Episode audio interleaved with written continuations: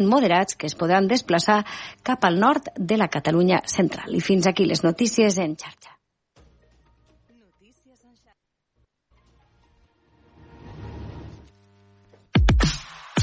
Obert per vacances amb Manel Ferrer.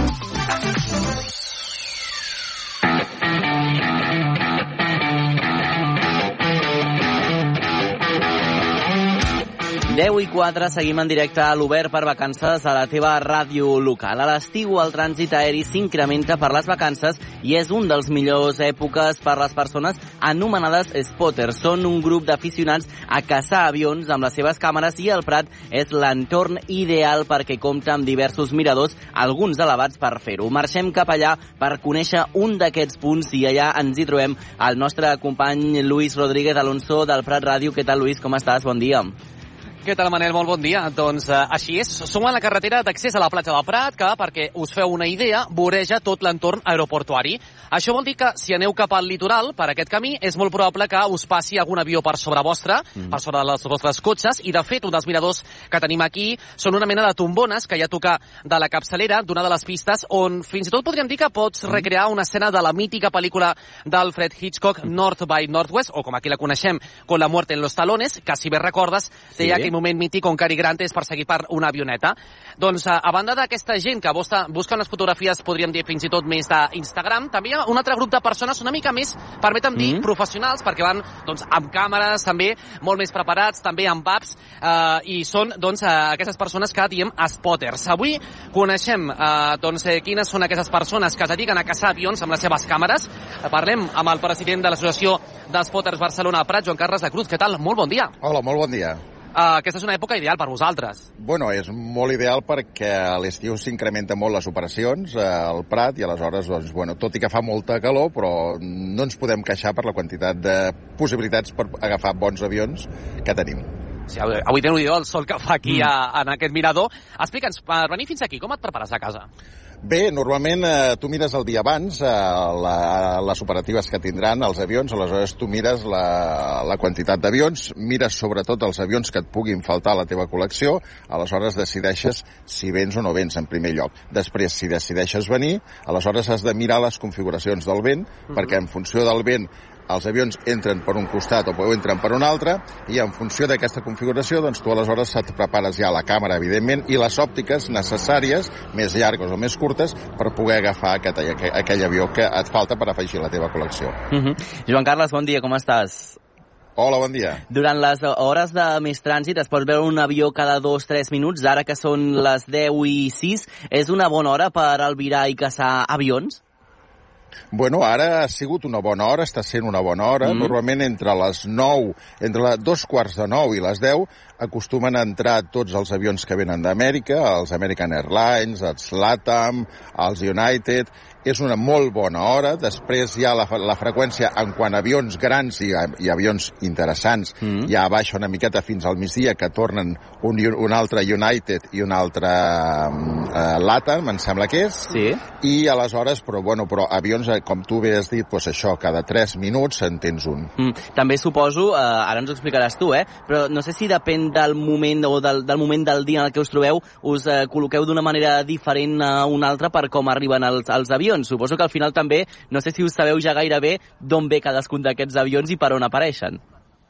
Bueno, evidentment el, els avions entren per dos, per dos cantons, mm. o bé podríem dir direcció Castelldefels al Prat, o bé Barcelona al Prat, en funció del vent. Però sobretot nosaltres el que mirem és sempre tenir el sol d'esquena. Mm. Al no sé que vulguis fer una fotografia, anem a dir, artística, a contrallum, mm. aleshores que es vegi a l'avió eh, una ombra i, el, i, el, i la llum del sol, però sobretot els que volem ampliar les col·leccions i que surtin bé les fotografies, busquem la fotografia amb el sol d'esquena.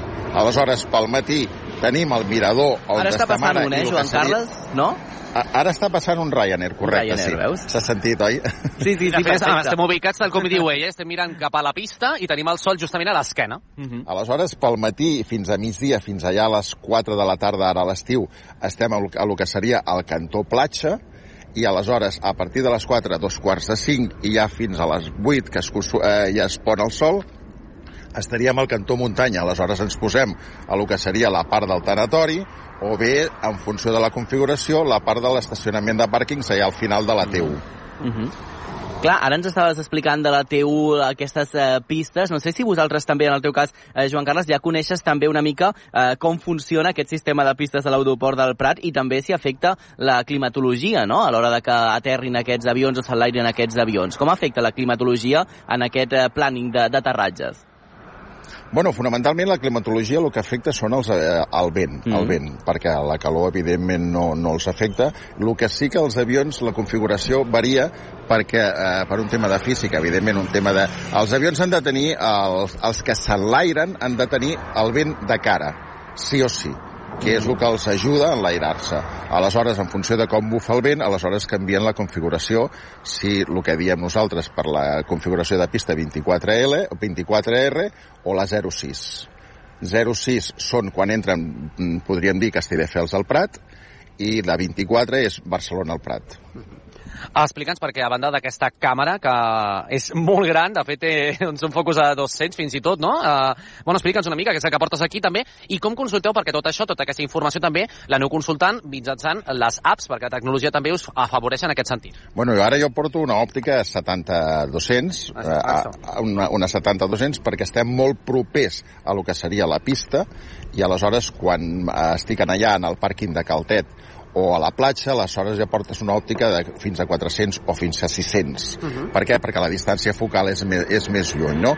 Aleshores, nosaltres tenim, sobretot, sobretot tenim una aplicació. Aplicacions hi ha diverses, però sobretot tenim una aplicació que és la Fly Radar 24, que és la part gratuïta o la part de pagament. La part de pagament és la que t'ofereix més, eh, més informació com per exemple posar una alarma a un registre d'un avió mm -hmm. i que t'avisi quan està venint cap a Barcelona. Mm -hmm.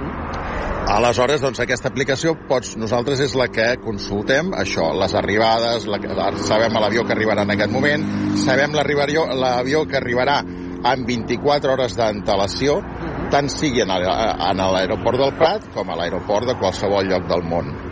I a banda comentaves, no?, la importància de tenir en compte, doncs això, la direcció del son, no?, per fer la fotografia, o, o si més, o tenir contrallum si vols fer una foto més artística, però què més es té en compte, en el, en el cas tu, per exemple, doncs a l'hora de fer una fotografia, què, què més, eh, quins altres criteris tens en compte? Bueno, eh, els criteris és una mica el que tu, els límits que tu et posis. Uh -huh. O sigui, nosaltres sempre diem que per ser spotter es pot ser spotter amb un mòbil. Aleshores, tu els límits te'ls has de posar tu. Aleshores, tu pots començar a fer fotografies d'avions, com es veu, que la gent ve amb un, amb un mòbil, la qualitat és la que és, i aleshores la passes a l'ordinador, etc etc. Però quan tu dius, no, és que jo vull una definició més, més exacta, jo vull acostar-me, jo vull tirar a la cabina de l'avió. Vull, passo de tot el que és la grandària de l'avió i vull tirar a la cabina, aviam si veig el, a la cara al pilot uh -huh. que a vegades ha passat, no? Uh -huh. Aleshores, Carai. no, a vegades ha passat, perquè, perquè tens les condicions, si tens l'òptica correcta, veus la cara del pilot. Bueno, en aquí hi ha hagut alguna vegada algun que ha conegut un pilot i el pilot ha posat un lletrero gran amb el nom de l'espòter a la finestra i el té fotografiada, Ostres. no sé, eh, que diu, que diu Jordi, i ole, ole tu, no? Vull dir que per això dic que els límits els poses tu, i en funció dels límits, la necessitat o les característiques de l'equip i també les possibilitats que tu tinguis per per tenir aquell equip, uh -huh. evidentment. Doncs mai atenció, perquè el sí. Joan Carles ha fet fotografiades més de 8.000 matrícules, si no em corregiràs, eh? 8.000 matrícules d'avions diferents, de les quals ja té 7.000 uh, ordenades i classificades uh -huh. a la seva base de dades actual, i això no només inclou avions, sinó també doncs, una col·lecció d'avionetes, d'avions militars, jets privats, de caps d'estat o estrelles mundials. Què més et falta? Oi, em falta moltíssim. no, em falten moltíssims avions. Jo ara, per exemple, he estat eh, a finals de juliol, vaig estar tres dies a Palma de Mallorca, uh -huh. que no vaig anar a la platja, o sigui, la gent no... Jo, jo, jo, jo quan vaig a un lloc, es diu, bueno, i és maco tal lloc has anat? Dic, no sé, perquè jo sempre estic al voltant de l'aeroport, estem bojos, estem com una cabra, no? Però bueno, i aleshores, doncs jo a Palma de Mallorca vaig agafar moltes... Vaig agafar tres companyies noves i vaig agafar molts registres nous d'avions, o sigui, avions nous. I això, un company de l'associació m'ho va dir una vegada fa molt de temps. Joan Carles diu, tu tranquil, diu, perquè això és com una col·lecció de cromos que no acabaràs mai. Dic perquè, per exemple, es calcula que ara en aquest moment, en qualsevol moment del, del, del dia, en el món estan volant 10.000 avions. Entre Amèrica, Àsia i Europa estan volant 10.000 avions. Aleshores, clar, hi ha molts avions que no tenen la no tenen l'autonomia per arribar, per exemple, d'Àsia aquí i que són vols que el que se'n diuen regionals, que fan a Àsia, com els vols d'Europa. De, sí, sí. Avions que es mouen només per Europa, que no creuaran l'Atlàntic ni, ni aniran a Àsia, m'explico. Per tant, mm, de tant en quant has d'aprofitar i aleshores el que fem és, per exemple, molts companys anem a Toulouse que Toulouse és la fàbrica, una, una, una, una, una, una, una fàbrica d'Airbus i on molts avions van a fer manteniment.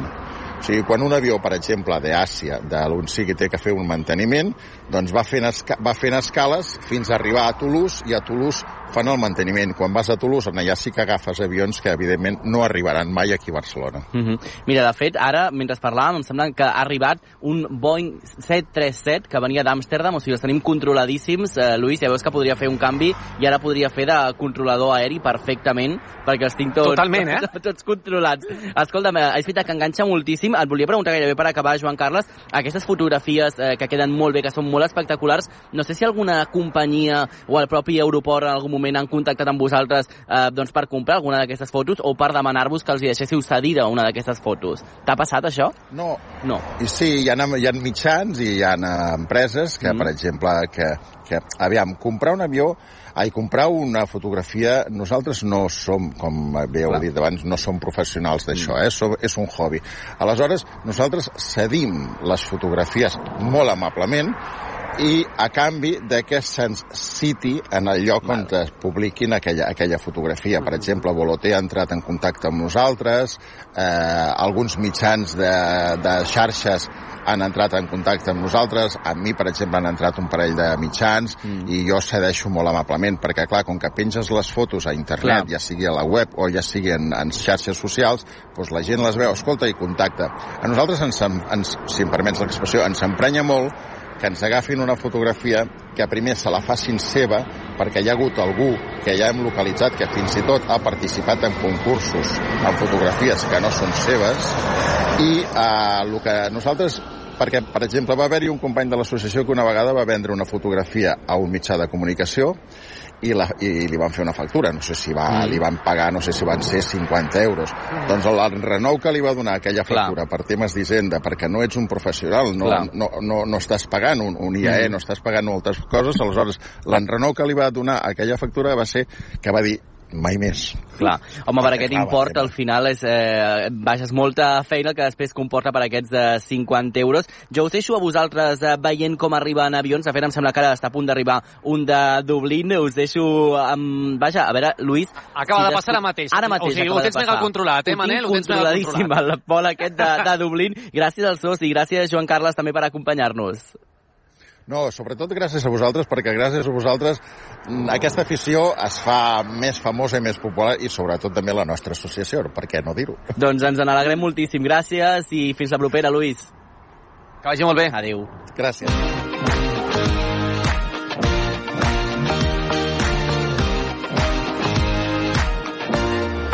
Passen dos minuts d'un quart d'onze del matí. Compartir cotxe és una bona manera d'estalviar en transport. Avui coneixem la història i les vivències de cinc mestres de diferents municipis de Lleida que comparteixen vehicle per anar a fer classes a Cervera. La Laura Alcalde, de Ràdio Roselló, els ha acompanyat en un trajecte en els nostres estalviadors, per cert, que podeu trobar ja a la xarxa més.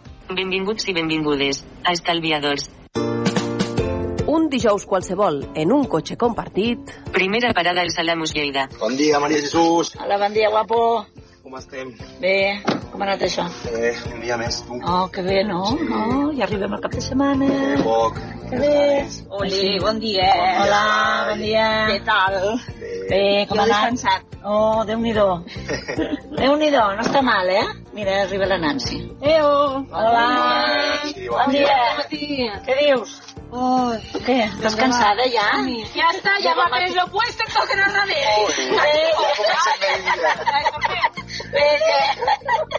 Bueno, què? No, què? Som-hi. Som-hi. Vinga, va. Eh? Som tots? Doncs vinga, va. Eh, som tots? Vinga, va, que avui som dijous. Doncs vinga. Vinga. Ala.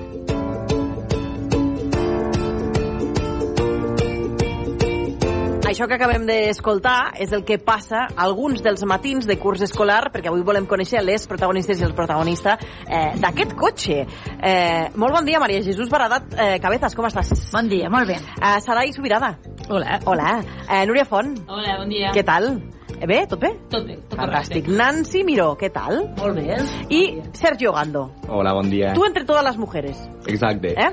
eh així ens agrada, majoria femenina en aquest cotxe. A veure, eh, expliqueu-me com comença una mica tot, perquè vosaltres sou els protagonistes d'aquest capítol d'Estalviadors, volem parlar de com estalviar en termes de transport, i vosaltres diríem que sou una mica experts i expertes. Em sembla que una mica la que, li, la que l'anomenen la patrona i la jefa és la Maria Jesús. Explica'm, Maria Jesús, com comença tot això, quin és l'origen d'aquest cotxe. A veure, l'origen d'aquest cotxe fa... comença fa 3 anys, ¿vale? Eh, arriba una noia al, al Balmes, el Jaume Balmes de Cervera, que és allà on jo feia de mestre, i, i li dic si vol compartir cotxe perquè puja de Lleida, i me diu que sí. Eh, la mala sort és que al cap de 3 dies eh, li cancel·len la substitució i em torno a quedar sola. Això és un divendres i el dilluns me truca que li han donat una plaça a les Sabines, en una altra escola que hi ha a Cervera, Uh -huh. i me diu a veure si vull compartir cotxe i li dic que sí, cap problema és igual, pugem les dos de Lleida doncs compartim cotxe i això és així, fins que al cap d'un mes o així apareix la Nancy eh, me diu ja el Natell que ve de d'Artesa de Lleida està a l'escola i a veure si pot pujar nosaltres i dic, i tant, com més serem, doncs millor i llavors s'incorpora la Nancy Hola, Nancy. Hola. T'incorpores a la història. M'incorporo. Me proposa la companya que estava també a les Sabines doncs de compartir cotxe i la veritat és que dic que sí.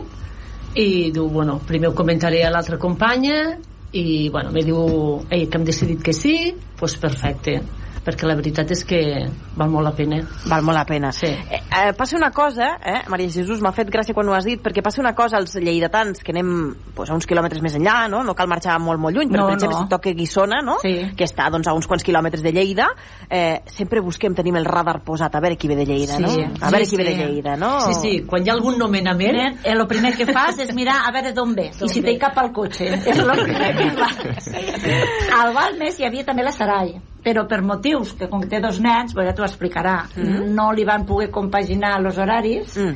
i llavors no, no va poder pujar el primer any el Lo segon primer any. sí, el segon any ja, va, ja es va espavilar a pujar Qui va ser eh? la tercera, aleshores? La Sarai? Sí. la Sarai Sarai, com va anar Sí, això? sí. El primer any no va poder ser? Doncs el primer any això no va poder ser perquè per l'horari de l'escola bressol de la nena, de les, el, el col·le del nen, doncs, bueno, pujava més tard i el primer any, doncs, bueno, doncs, cotxe sola i, bueno, es feia pesat i avorrit, saps? Vull dir, perquè des de Lleida fins a fins a Cervera doncs hi ha, hi ha un bon bocí però al, al curs següent doncs ja estàvem pendents de veure com anirien els horaris i li vaig dir Maria Jesús, Maria Jesús, que aquest any sí. I vinga, llavors aquell dia doncs vaig conèixer la Nancy també i bueno, superbé. Que bé. i al cap del temps doncs res, pot ser un meset o així, encara no doncs va aparèixer la Núria també pel Jaume Balmes i doncs un altre cap al cotxe Núria, Sí. com va anar això? Bé, jo venia de viure amb els meus pares i vaig decidir que ja, jo volia anar a viure sola a Lleida i que ella estava treballant a l'escola i sabia que elles venien de Lleida. Llavors, el dia que em vaig mudar, doncs l'endemà ja em vaig incorporar també el cotxe amb elles, a pujar i baixar. Que bé, no? Sí. Eh, de quina manera us poseu en contacte? Eh, tu com, com coneixes que hi ha aquest grup? És, és, és boca Bé, orella? a la, a la, de parlar a l'escola, perquè també nosaltres, al ser de fora, ens quedàvem a dinar a l'escola, per tant, els migdies també donem molt per poder parlar i poder-te conèixer més. Uh -huh. I bé, elles tenien un grup de WhatsApp i m'hi van afegir. I cap dins. Es pot dir el nom del grup de WhatsApp o no? sí, Sí, les del Segrià. les del Segrià Tot i que el nom va canviar quan va aparèixer el Sergi. Sí. Vale, Sergi, a veure, com apareixes en aquesta història? pues jo tinc un nomenament que nomenen al gener i tinc una companya de la meva promoció que està en aquesta escola i em diu, ostres Sergi, estaràs molt bé i diu, i tens la gran sort que hi ha tres mestres que pugen de Lleida que fan cotxe patera, i et passen el contacte t'afegiran al grup i si t'hi sumes, pues, bueno, és una iniciativa que, que és el que dius, no és el mateix fer el trajecte de Lleida a Cervera sol que ben acompanyat Uh -huh. i així va ser, vaig començar a parlar amb elles, em van posar al grup i vam iniciar així el cotxe patera L'andança. Hi ha moltes distàncies amb el que és una pastera, però és evident que aquests cotxes es diuen cotxe pastera, tenen aquest mal nom, sí. però és així, eh? hem de, hem de dir-ho clar. Quant de temps vau compartir cotxe? pues hem compartit amb la Nancy dos anys i amb els de més un, bueno, amb la Nancy dos amb el Sergi i, i la Sarai un. un i amb la Núria dos també Dos, també. Clar, això dona per molt, no? Compartir cotxe. Per moltíssim. Molt, moltíssim, molt. Ara parlarem del tema estalvi, però jo vull anar al salseo una mica. eh, hem d'imaginar que hi ha un... Com, com es diu el grup de WhatsApp? Les del Segrià passe a ser? Les i el del Segrià. L'havíem d'incloure d'alguna manera. Sí. Inclòs, no? Sí, sí, Oi? Um, com feu una mica el plànic de transport? De, de quina manera? O sigui, vosaltres teniu un punt de trobada. Qui m'ho explica, això? Sí, mira, el punt de trobada és dels Alamús, vale? perquè és direcció Cervera, uh -huh. i llavors hi ha un lloc per aparcar. I, i bueno, doncs deixem el cotxe allí, i, i allí n'hi ha no només nosaltres, sinó que n'hi ha un fotimer que fa el mateix que nosaltres. Uh -huh. Paren allà, deixen el seu Paren allà, cotxe? deixen el cotxe i es carreguen amb un altre. Uh Mhm. -huh. Nosaltres arribem cinc cotxes i n'hi marxa un. I, I llavors, doncs, és això. Eh, mm, mos vam organitzar molt bé perquè la Nancy eh, els dilluns s'havia de quedar més tard i nosaltres els divendres mos vam molt malament aparcar perquè fan mercat davant de l'escola. Llavors no hi ha lloc per aparcar. I llavors van tots a baix a la lluna perquè amb nosaltres. I el divendres deixar el cotxe baix mos era molt dificultós. Llavors vam dir, pues ho tenim molt clar. Dilluns, dimarts, dimecres, dijous i la Nancy el divendres. I així ho vam fer. I, i compartíem cotxe, doncs cada dia érem cinc, cada dia portava un cotxe. La Nancy l'havia de portar dos, però vull dir... Era per, Va ser acordat? Aquesta, sí, va ser acordat. Sí, sí, perquè els dilluns m'havia de quedar a l'escola. Sí o sí. Fins a les 7 Sí. teníem reunions i llavors aquell dia pujava i baixava jo sola. Mhm. I els divendres pues, l'agafava jo, els deixava allí a la punteta del mercat Ah, exacte. i jo tirava cap a les Sabines, que és així una mica cap a les afores de Cervera, i elles anaven cap a l'escola. I a la tarda al revés. Uh -huh. I ens, hem- ens hem d'imaginar que hi ha com una guardiola comú. Com ho feu, el tema de la benzina, el tema de... Com, Ah, no, no. Com va tot això? No, no, cada un posa el cotxe en el que comporte. I ja està. De fet, com que era un dia a la setmana cada un, doncs ja està. Ja queda Vull compensat. dir, ja queda compensat. No hi havia cap Heu problema. tingut algun moment de lío pensant que... Bueno, no, perquè clar, els Alamús, no? Sí. Pa- I arribàveu tots. Sí, els I que no algú es pensi que el venen a buscar a casa i és ell aquell dia el que ha de Mm. portar el cotxe. No ha passat això. No, no, no, no, no, no, no, no. El lloc era els Alamús i, i, i ja està. I si algun dia el que fos, pues no anava a portar-lo perquè el que sigui, pues li canviaves al, al company. Ja està. Vull dir. Anem al salseo. Eh, eh, què passa al cotxe? Qui dorm? Bueno, no sé que hi hagi algun matí que algú està molt cansat i inclús dèiem, uh, quin silenci, però ja eren moments de... Però molt puntuals. Exacte, molt puntuals. I era a les 8 del matí, eh? Exacte. A les Clar. 8 i quart ja no, eh? O sigui, quan porteu 15 minuts de trajecte, l'hora de quedada són les 8, Les 8, sí.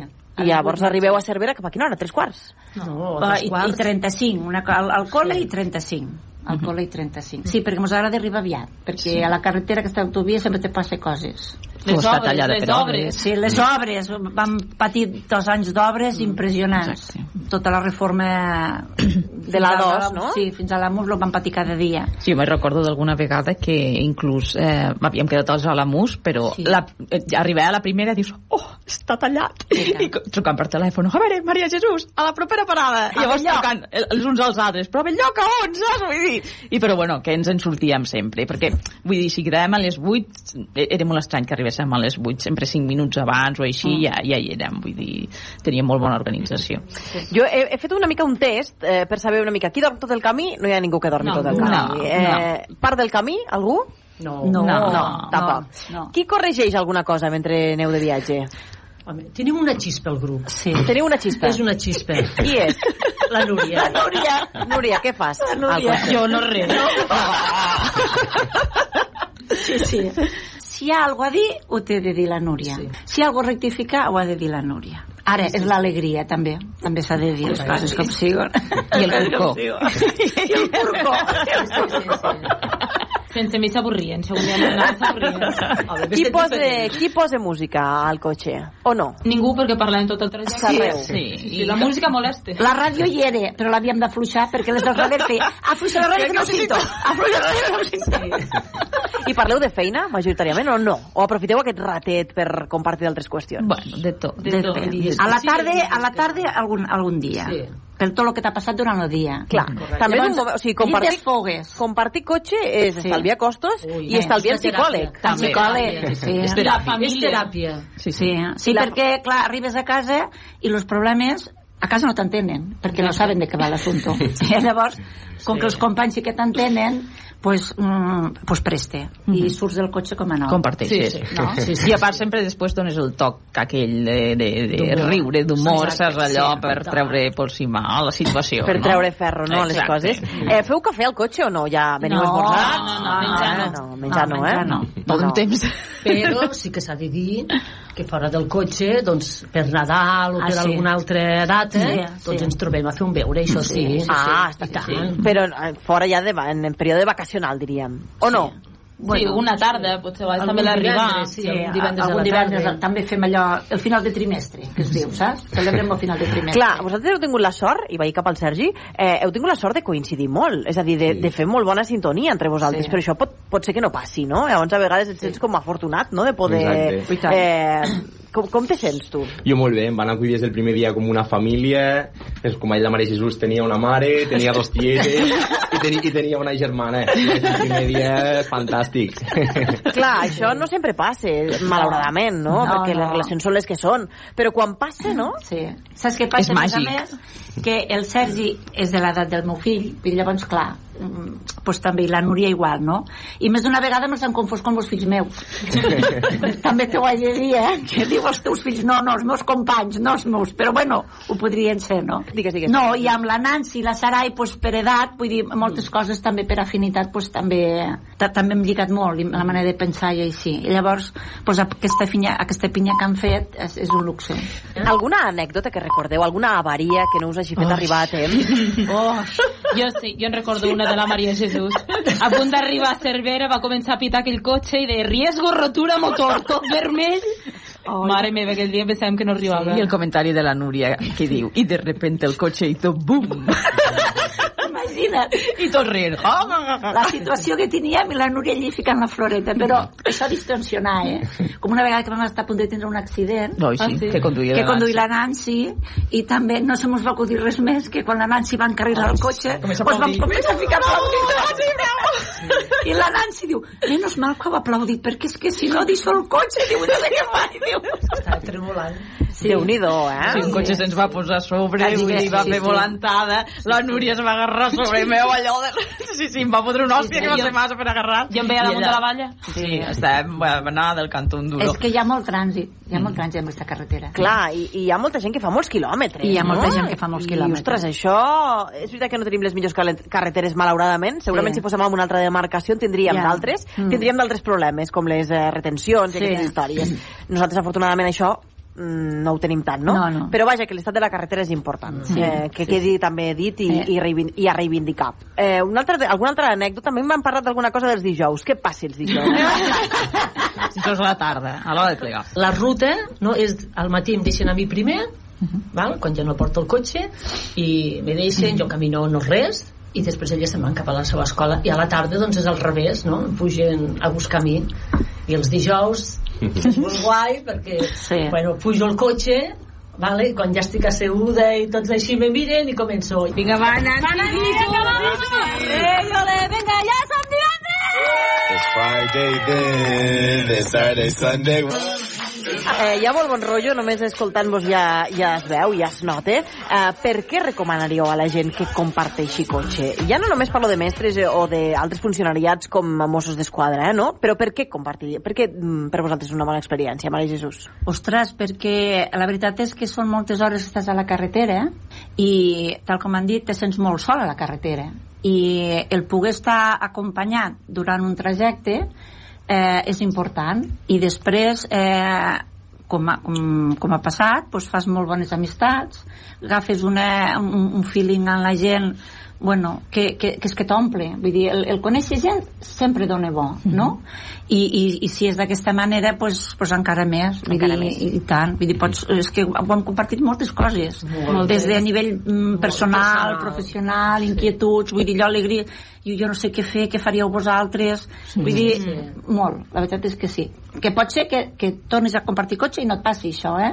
però que Però en realment quan cas- ho tens ho has d'aprofitar sí. Sí, sí. I, ja, i has de vetllar perquè això no, No es perd. no es perdi és que ja penses en compartir i ja no i, i també és important la part econòmica, eh? Sí, sí. I més amb un trajecte tan llarg. Però és que quasi que ja ni hi penses. No. queda en penses amb, amb, el, amb això. Amb, arri amb que Ah. arribi aquell moment, no? Sí. sí, de fet, un cop acabat el curs ja us ho dèiem, tenim ganes de trobar-nos a dintre un cotxe. trobar dintre el cotxe, encara que estiguem parats. Clar, però a la terrassa, a l'estiu a la terrassa no us hi trobeu, no? Heu No és allà- no és el mateix, no és el mateix. no és el Ben enganxadets tots Sí, allà. ben apretadets. És veritat, i sobretot quan anàvem al cotxe de la Núria, que era més petit Oi, d'ells, no? Ha quedat clar, eh? Que compartir cotxe és molt més que estalviar, I oi? tant, sí, eh, sí, per vosaltres ha sigut eh, retrobar-vos. Ei, eh, moltíssimes gràcies, Maria Jesús, Sarai, Núria, Nancy i Sergi, per compartir amb nosaltres la vostra experiència.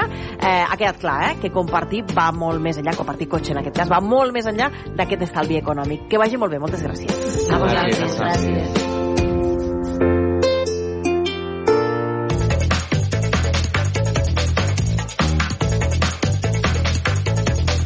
Passen 4 minuts a dos quarts d'onze del matí. És el moment d'anar cap a Vic. Avui l'Eudal Puig, el nostre company del nou FM, fa uns dies va visitar l'exposició Bèsties del Museu Episcopal de Vic, que avui visitem amb ell. Eudal, explica'ns on ets i amb qui ets.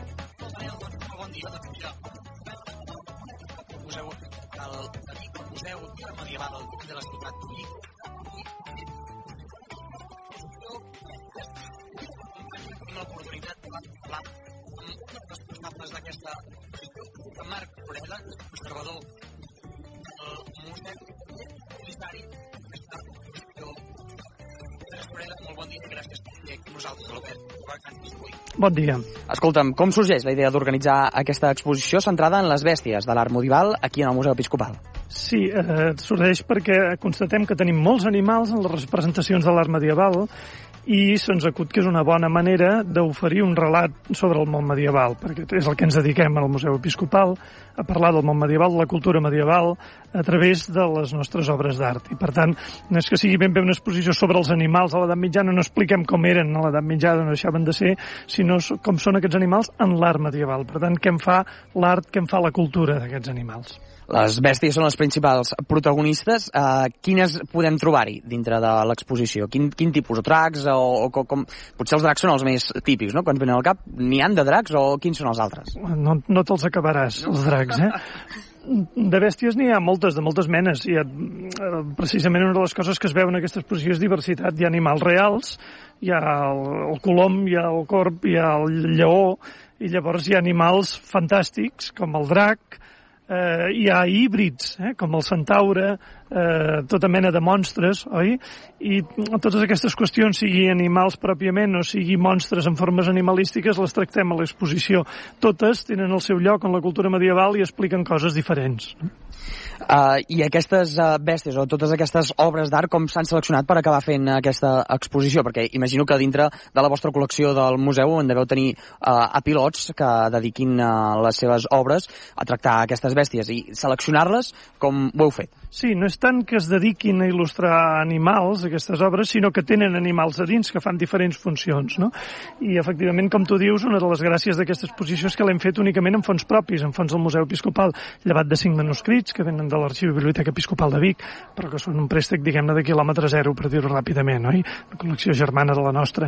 Llavors nosaltres, veient el que teníem, hem triat les obres en què ens permetien fer un discurs més elaborat i explicar més coses diferents, des del simbolisme dels animals en la cultura medieval, eh, en la cultura cristiana medieval, sobretot, eh, eh, fins passant pels precedents en el món grecorromà i en les cultures antigues, perquè també hi ha una relació forta dels animals amb l'art en aquest moment, passant també per quin era el significat, el simbolisme d'aquests animals en la representació social, en l'heràldica, en l'amor cortès, eh, dediquem també una secció a veure com l'art medieval representa aquests animals d'una manera naturalista o no naturalista, que ja us avanço que no és així, l'art, medieval és eh, més aviat conceptual, eh, i finalment eh, intentem introduir pautes per mirar de veure en una obra d'art medieval concreta què hi significa l'animal, perquè no hi ha receptes fixes, s'ha d'estudiar cada obra, el seu context, qui la va encomanar, en relació amb quines obres es trobava, i així doncs eh,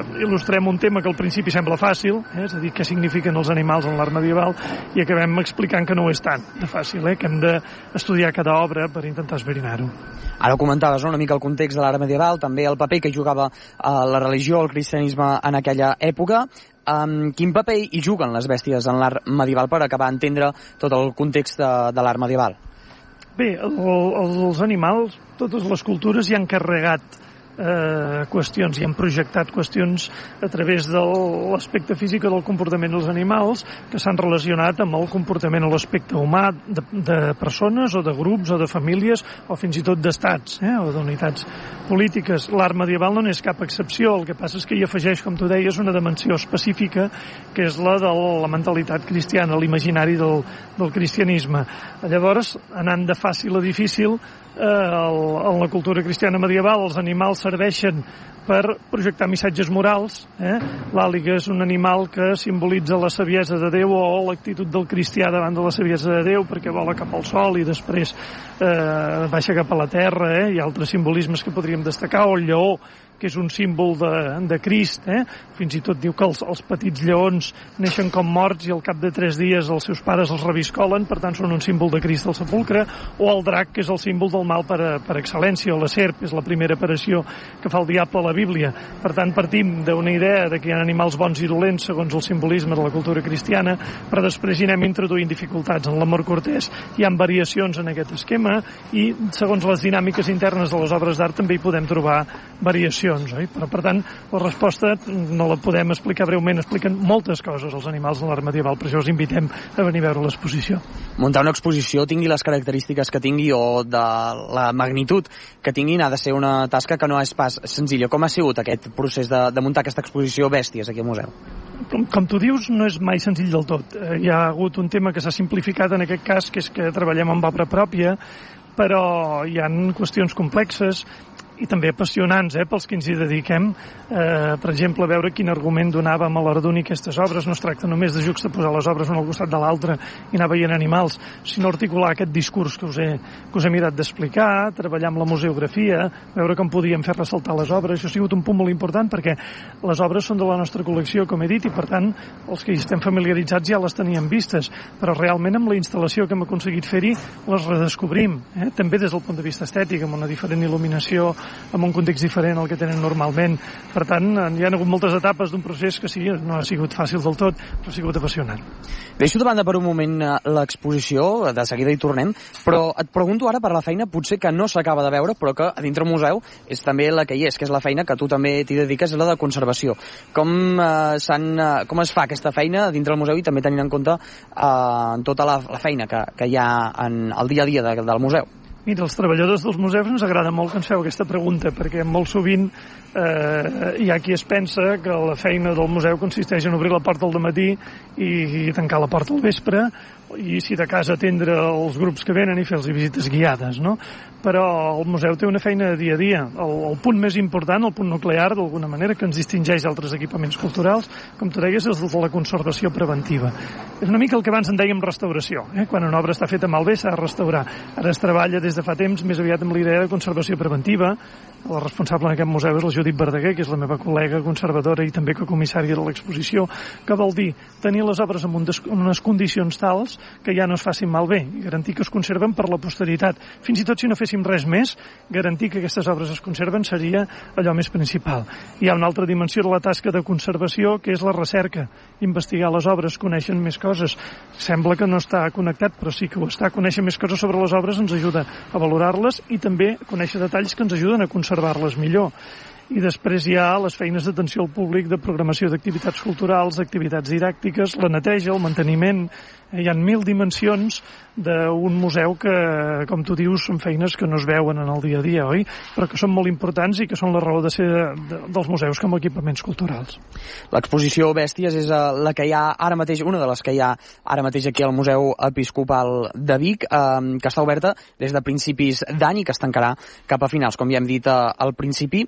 De moment, la gent com ha anat responent amb aquesta exposició? Li agrada o què en diu? Bé, els inputs que tenim és que la gent està contenta, que és un tema potencialment atractiu. Tothom, eh, diguem, eh, pot tenir una familiaritat amb aquesta idea dels animals i a nosaltres ens agrada pensar que a més a més la gent hi descobreix coses, no només hi va veure obres boniques, sinó que mm, ens agrada pensar que surt de l'exposició havent assumit noves idees o havent eh, entès noves pautes per gaudir d'aquest art medieval i també del no medieval eh, i de les bèsties que hi hagi representades eh, no només al museu, sinó als altres llocs que visitin, on es trobin, eh, i també en els equipaments culturals de, del nostre entorn, d'Osona, del Bisbat de Vic, de la Catalunya Central, on hi ha molts monuments, eh, de, per exemple, en els agrupats de la marca Cases d'Oliva del, del Bisbat de Vic, des de Ripoll a l'Estany, eh, passant per Lluçà i molts altres indrets, eh, hi han representacions medievals de molts animals, no? i per tant ens agrada poder donar pautes aquí per gaudir de la nostra col·lecció i també de molts altres equipaments culturals. Ja per acabar, eh, la gent que encara no ha vingut i que ens estigui escoltant ara mateix, tu mateix, Marc, què els diries per eh, convidar-los a que vinguessin a veure aquesta exposició perquè els hi creés una miqueta de, de l'interès, allò que diguessis, ostres, som-hi. I descobriran moltes coses i descobriran com aquests animals, eh, com deia abans, no només són presents en el món medieval, sinó que eren presents molts segles abans i continuen sent presents avui, per exemple, en la cultura eh, en la cultura popular i tradicional, les nostres festes majors, no? I descobriran com l'animal arxidolent que és la serp, eh, en certs contextos pot ser interpretat com una bèstia positiva. I descobriran un bestiari interactiu què podran fullejar eh, un bestiari medieval, un llibre que explicava els simbolismes dels animals, que l'hem transformat en un suport interactiu. I descobriran un audiovisual que els explicarà quina funció fan els monstres també en aquesta mentalitat medieval i fins i tot en la visió del món medieval.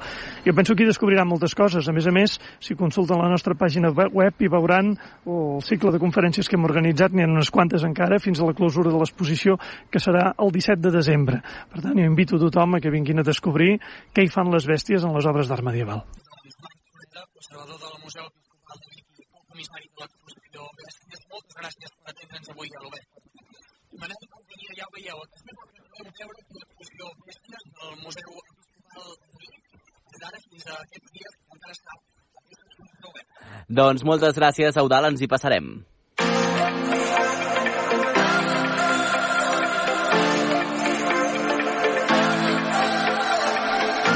I és el moment de conèixer un nou collita pròpia, el que també podreu trobar a la xarxa més. La figa coll de dama és una fruita autòctona del Guaire.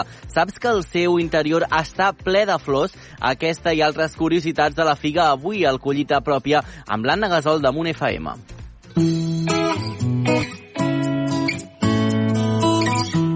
Collita pròpia.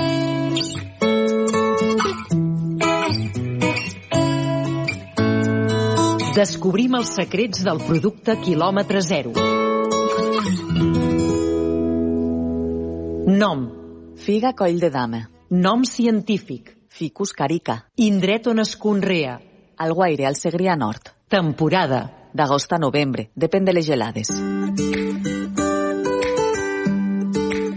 La figa no és una fruita qualsevol. De fet, no és ni tan sols una fruita, sinó una flor, o més ben dit, un munt de flors invertides. Expliquem-ho bé. Les figueres floreixen de manera diferent a altres arbres fruiters. Les flors creixen dins de la veïna, que després madura fins a convertir-se en la figa. Cada figa dins té moltes flors. Cadascuna d'aquestes flors produeix un petit fruit, l'aqueni, que conté una llavor. Aquests aquenis són els que donen a la figa la seva textura cruixent. De figues n'hi ha de molts tipus. L'autòctona del Guaire és la figa coll de dama. El nom li ve pel seu capoll elegant i allargat. El figaire Josep Maria Agustí és productor i comercialitzador de figa coll de dama amb la seva empresa Taruc Biofruits.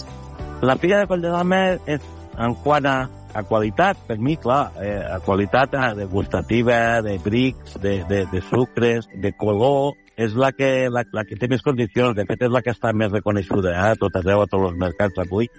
És una figa en la pell una mica dura, amb un color, un roig molt intens, de lo que és la carn, el que els mengem, diguéssim, que és, en definitiva és la flor, i també té, una, té un cert aguant a poder aguantar més dies en, en els viatges, per la comercialització i pel maneig. La figa coi de dama, l'autòctona d'aquesta zona del Segrià, és una figa tardana que dona producció des de l'agost fins a les acaballes de la tardor, segons quan arriben les primeres gelades. La figuera pot produir de manera constant al llarg de 4 mesos, tot i que varia la quantitat en funció dels estadis de la lluna. A la figuera no li cal de moment rebre gaires tractaments fitosanitaris perquè no pateix de plagues. És un fruit en aquest sentit ecològic per naturalesa. Tot té una explicació. És un arbre molt rústic, és un arbre molt adaptat, ha estat molt menys modificat, genèticament dels anys, i el teu, el teu fruit, que és una flor, les característiques d'aquest fruit també el fan molt més resistent a qualsevol adversitat. De la figuera se n'ha dit sempre que és un arbre fort, capaç de créixer en qualsevol bancal. En gairebé totes les torres de la zona se'n troba, i se'n trobava. No fa tants anys des que al Guaire els pagesos només comercialitzaven els excedents de les figueres de casa, però en els darrers anys, motivats per la cerca d'un producte que atorgués estabilitat a la pagesia, la figa s'ha convertit en el cultiu principal. Era un cultiu més aviat residual, era una cosa de a més a més, i a poc a poc alguna persona que va començar a plantar algun bancalet, que va començar a fer produccions ja una mica més professionalitzades, i a poc a poc va ser eh, un sostén que, que veies que era molt més regular en quant a preu, molt més barat de tirar endavant, i això va fer que, que la figa no et fallés mai. La figa és una delícia, però a més les seves propietats nutricionals la fan un aliment ideal per incloure a la dieta. Ens ho explica la nutricionista Naila Martínez. Després de l'aigua, el nutrient majoritari de les figues el constitueix els hidrats de carboni, concretament la glucosa, la fructosa i la sacarosa. Fent d'elles un aliment energètic, podríem destacar sobretot el seu aport en fibra. Aquesta ens ajuda a millorar les nostres digestions. Recordo que les vitamines tenen un paper regulador en el funcionament del nostre cos. Anem ara als fogons, perquè l'alguairenc Josep Lladonosa, el gran xef i escriptor, un dels principals exponents de la recuperació de la cuina tradicional catalana, ens prepara una recepta amb figues d'alguaire, clar, que no està a l'alçada de qualsevol. Mm, gaudiu-la. Farem una recepta magretana amb tòfones i figues del guaire. Per quatre persones tindrem dos unitats de magret d'uns 150 grams cada un, dos tòfones d'una mitja grossària d'una nou, per exemple, cada una, 12 figues de coll de dama pelades, una copa de birranci, un regionit d'oli d'oliva, dos cullerades de cafè de maicena, i un quart de suc de brou de gallina, per exemple. Primer haurem de tindre ja aquest brou de gallina preparat i les figues pelades i enfarinades i frigides. Aleshores agafarem els magrets, els salarem, els posarem en una paella, els anirem fregint a poc a poc sobre el foc una mica o inclús al forn, al forn precalentat. El magret és una cosa que fa ràpida de coure perquè ha de ser sangrant, de dit, quan fa uns 10 minuts que està coient en una temperatura bastant forta, s'aparta i s'escor tot l'oli que l'han fregit. Aleshores allí hi posem també una copa de birranci, que no hem dit, quan està reduït el birranci, tirem a dins el brou aquest que tenim concentrat i deixem coure tot junt. Agafem dos culleretes de cafè de maicena que les desfarem en una mica d'aigua freda, la tirem a dins i deixem-ne bullir la maicena perquè ens espessi una mica aquest suc. Quan està tot així el suc que ja s'està espessant una mica i nosaltres anem traient per sobre les impureses que fa, tirem les figues a dins i tirem les tòfones que tenim preparades, un parell de tòfones, tallades petitetes a dins, junt amb el seu suc, el suc que porten al pot on les hem comprat. Deixem-ne bullir, a poc a poc, anar provant de sal, i tenim el magret i el tallem a filets. El magret el posem a sobre d'un plat, posem les figues al costat i agafem la salsa, les tòfones, i ho tirem per sobre. Això seria un magret d'ànec fet amb tòfones i figues del guaire. A més de trobar un lloc a la cuina, la figa també el té al llenguatge. Apareix sovint en expressions quotidianes com no sigues figa, les cames em fan figa, o com a eufemisme per anomenar els genitals femenins. Alguna semblança li deuen trobar, però d'això ja en parlarem en una altra ocasió. Deu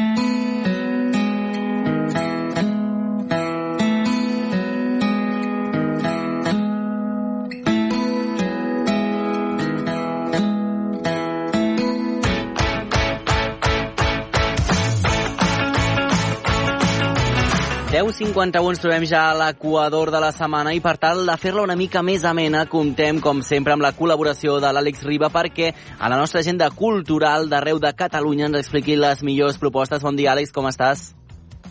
Bon dia, Manel. Bueno, m'han comentat que hem d'anar una miqueta de pressa, eh? O sigui que si vols bé. anem ja directament al lío. Perfecte.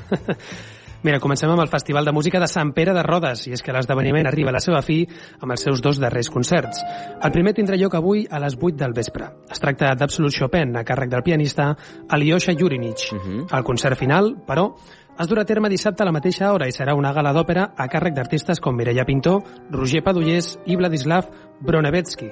I el més important, que ho has dit molt bé aquests cognoms, eh, Àlex? Eh, on podem comprar aquestes sí, que no entrades? Exacte, i on trobar-les? Mira, les entrades tenen un cost de 22 euros i es poden adquirir a través de la pàgina web del festival. Això sí, recomano donar-se pressa perquè mm. en queden molt poquetes disponibles, eh? Doncs jo ja estic obrint el navegador i què més podem destacar de l'agenda d'avui? Mira, acabarem eh, amb, amb, un, eh, amb el Cambrileja. El Molt bé. Eh, ens agradi o no, l'estiu ja es va acabant i amb ell totes les activitats a l'aire lliure. Per aquest motiu us proposo viatjar fins a Cambrils, a Tarragona, per estiuejar o cambrilejar, com diuen els Mhm. cambrilencs, una miqueta més. I és que aquest vespre també s'acaba el cicle Cambrileja Estiu 2023, una sèrie d'espectacles de carrer itinerants que recorren tot el barri del Port. El regidor de Cultura de Cambrils, Jordi Barberà, valora positivament la iniciativa i remarca que la potenciaran de cara a les següents edicions. Eh, la nostra idea com a, com a Ajuntament eh, és que aquest Cambrileja es consolidi i a poc a poc es converteixi també en una referència de, de teatre al carrer, podent augmentar la qualitat de, de les propostes i repartint també una mica els, eh, els espectacles de carrer eh, al llarg de, tot el, de tota la ciutat. No? La Always Drinking eh, Marching Band s'encarregarà de cloure aquesta edició a partir de les 8 del vespre. Pels que no sapiguin gaire d'anglès, Mhm. la traducció del nom d'aquesta banda vol dir banda que sempre marxa bevent. Ah, mira. Per tant, Manel, la festa crec que està bastant servida. Doncs fa molt bona pinta, no t'ho negaré. Àlex, moltes gràcies i fins demà, que vagi bé. Fins demà.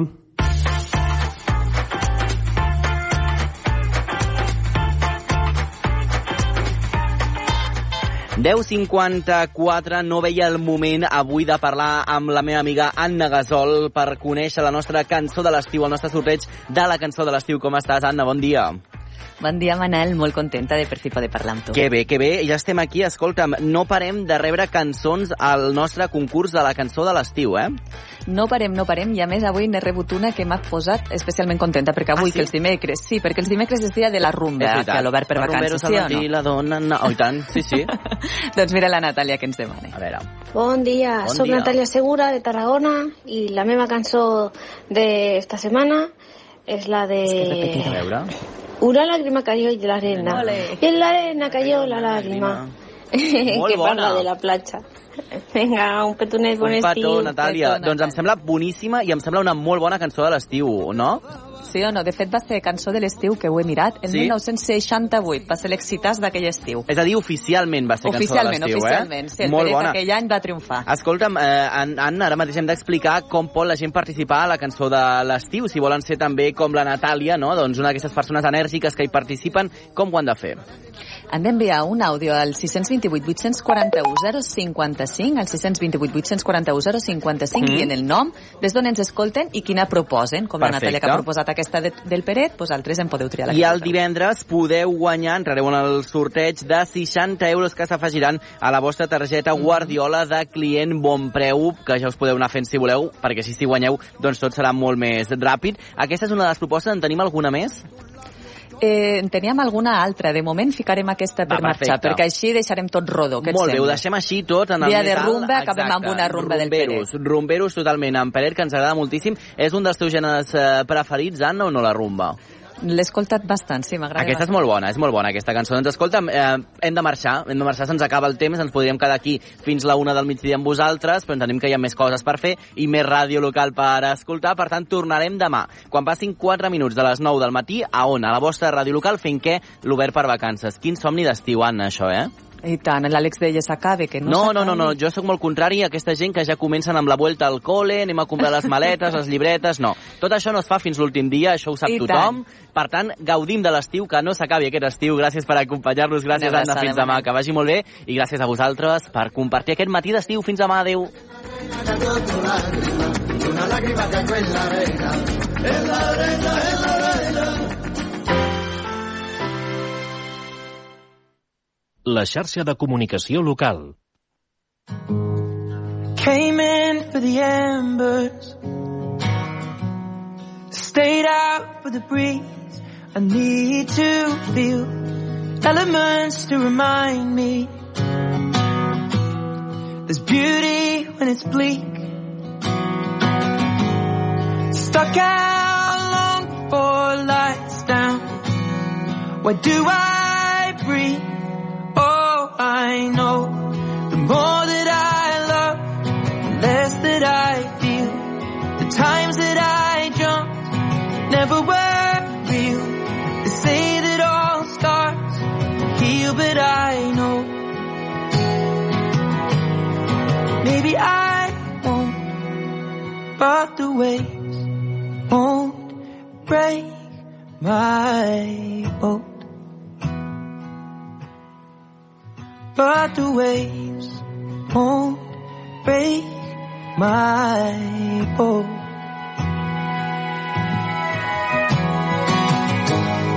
Stones crash on the boardwalk.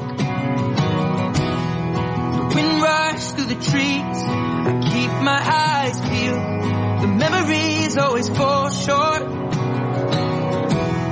of what we could have been.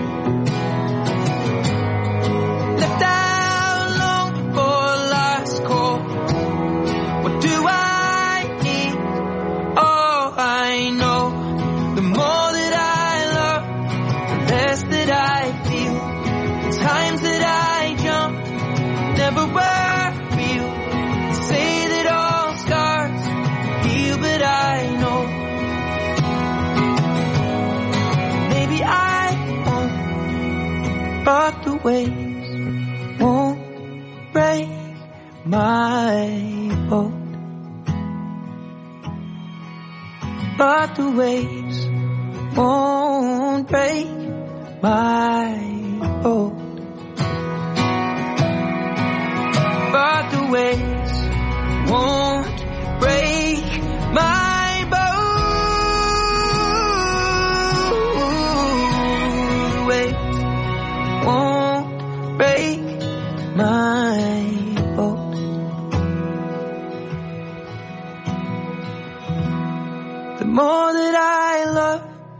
Less that I feel.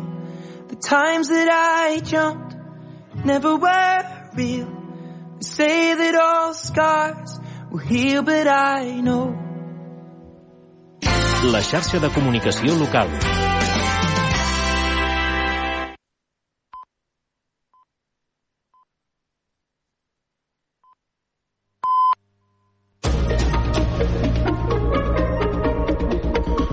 Notícies en xarxa.